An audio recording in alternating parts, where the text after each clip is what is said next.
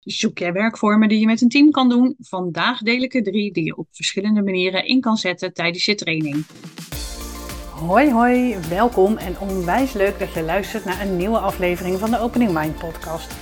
De Train de Trainer podcast waarin ik werkvormen deel, mijn fuck-ups, anekdotes uit de praktijk en heel veel praktische tips. Zodat jij vanuit jouw expertise de toptrainer kan zijn die met plezier en zelfvertrouwen fantastische training heeft waardoor je agenda vol loopt met trainingen en je deelnemers continu terugkomen voor meer van jou. Want hoe pas je al die leertheorieën nou toe? Of wanneer juist niet? Welke werkvorm zet je wanneer in? Hoe zet je deelnemers aan tot actie? En hoe verkoop ook jij je trainingen moeiteloos? Je hoort het hier. Veel plezier! Een tijd geleden heb ik me voorgenomen, elke maandag zet ik een podcast online. Dat betekent ook vandaag op eerste kerstdag.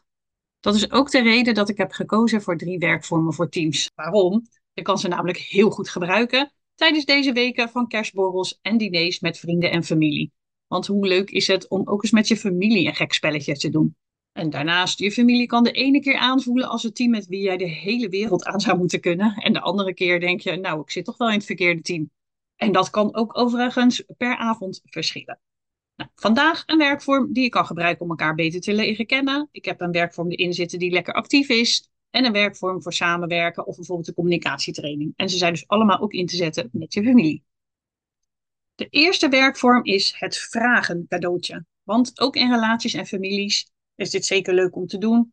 Waarom? Ik heb ooit wel eens een keer gehoord dat vanaf dat je zeven jaar bij elkaar bent, of dat nou dus als relatie is of als familie en vrienden, dat je steeds minder van elkaar gaat weten in het begin van een relatie, hè, wat dus een collega van vriendschap ook kan zijn, ben je heel nieuwsgierig, stel je heel veel vragen, wil je eigenlijk alles van iemand weten, waarom vind je dat belangrijk, hoezo heb je toen die keuze gemaakt.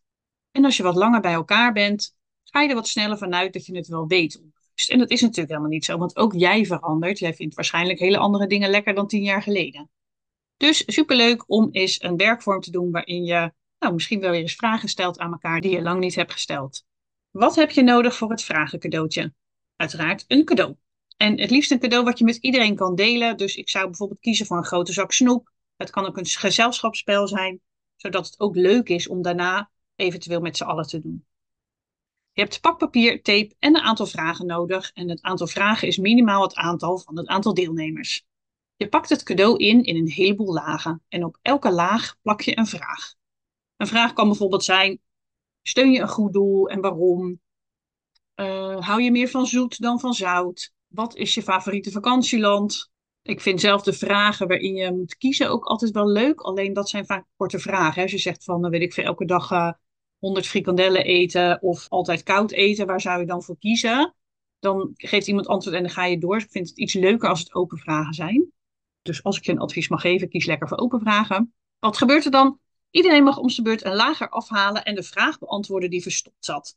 En de laatste vraag moet dan natuurlijk zijn: als jij degene zou zijn die het cadeau krijgt, zou je het delen met anderen en waarom wel en waarom niet? En laat ze dan dus ook kiezen, waarbij uiteraard allebei oké is. Een leuke werkvorm om zowel een cadeautje met elkaar te kunnen delen als elkaar gewoon beter te leren kennen, zonder dat het geforceerd overkomt dat je vragen aan elkaar stelt. De tweede werkvorm is hoedjes slaan. Wat heb je ervoor nodig? Je zorgt voor een heleboel hoeden of je laat gewoon als eerste activiteit iedereen een hoedje vouwen van bijvoorbeeld krantenpapier. Iedereen zet een hoed op zijn hoofd.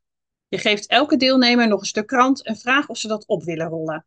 En op jouw signaal probeert iedereen bij de ander de hoed van het hoofd te slaan met de krant. Als je hoed is afgevallen, stap je uit de groep en moedig je de rest aan. Degene die als laatste zijn hoed nog op heeft, die heeft uiteraard gewonnen. Een variatie om dit nog moeilijker te maken is: geef iedereen een plastic bekertje. Die tape je dan met één stukje tape vast op je hoofd.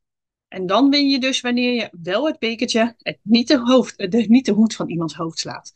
Wanneer je dit met een hele grote groep doet, kan je ze ook nog in twee groepen verdelen. En dan moeten de twee winnaars aan het einde nog een finale met elkaar spelen. Nou, dit is natuurlijk een ontzettend hilarische werkvorm. Over het algemeen wordt er heel veel gegierd, gelachen, gerend. Er gebeurt van alles. Misschien dat als je het met je familie doet, dat je eindelijk eens op die vervelende oombraak kan nemen en sla je gewoon lekker op de billen, want dat gebeurt natuurlijk ook gewoon. Het is vooral een werkvorm die heel veel hilariteit en uh, gezelligheid uh, oproept. De derde werkvorm van vandaag heet Geef me mijn schoenen. Wat heb je hiervoor nodig? Nou, ik zou wel minimaal acht mensen verzamelen, maximaal twintig. anders wordt het wel heel chaotisch. Ook dan kun je het wel in twee groepen doen. Het enige wat je verder nodig hebt zijn twee blinddoeken. En heb je die niet, ik zou een schone theedoek uit de keuken pakken. Dat werkt ook prima. Wat doe je? Je vraagt iedereen om zijn schoenen op een grote hoop te leggen. Je verdeelt de groep in twee teams, team A en team B. Elke team kiest een afgevaardigde die geblinddoekt gaat worden. Je noemt hem de zoeker. De andere teamleden gaan om en om om de schoenenberg heen staan. Dus A, B, A, B, A, B, etc. Blinddoek de zoekers en leg uit dat naar jouw signaal de A- en B-persoon zo snel mogelijk de schoenen van zijn eigen team moet vinden. Dus de A-persoon moet alle schoenen van team A zien te vinden. En hij moet die geblinddoekt aan de juiste persoon geven van wie de schoenen dus zijn. Ze hoeven niet eerst het paar bij elkaar te zoeken. Het mag ook gewoon los van elkaar. Overigens, die vraag wordt me eigenlijk nooit van tevoren gesteld, altijd halverwege. Ik vind het allemaal prima. Laat gewoon gebeuren wat er gebeurt en werk daar dan vervolgens mee.